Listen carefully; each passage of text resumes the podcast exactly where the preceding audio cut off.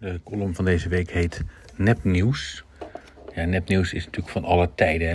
Het wordt alleen wel steeds lastiger om erachter te komen wat nep is en wat echt. Op, een, op social media, of in ieder geval op Twitter, of je het tegenwoordig, was het een tijdje zo dat een blauw vinkje betekende dat je echt en bekend was.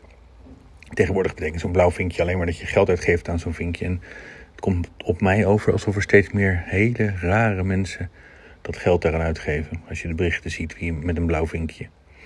Kijk, in een oorlogstijd is nepnieuws een wapen. Denk aan de MH17. De daders waren Oekraïners, hoor nog steeds mensen zeggen. Dat zijn natuurlijk hele rare berichten. Of in campagnetijd. Elk jaar komen er meer dan 50.000 asielzoekers naar Nederland. Dat is allebei gewoon niet waar. Echt nepnieuws. Dat is zorgelijk. Zeker nu de kunstmatige intelligentie doet waar we al, wat we al jaren zagen aankomen.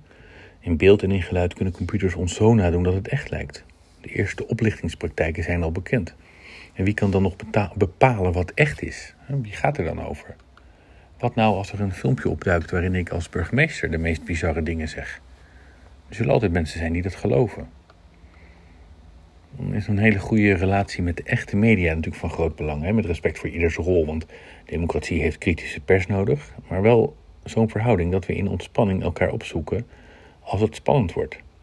Want je hebt allemaal elke keer iemand anders nodig. Hè? Allemaal hebben we een keer een ander nodig om te helpen bepalen wat echt nieuws is en wat niet klopt. Of nog erger, wat moedwillig is verzonnen.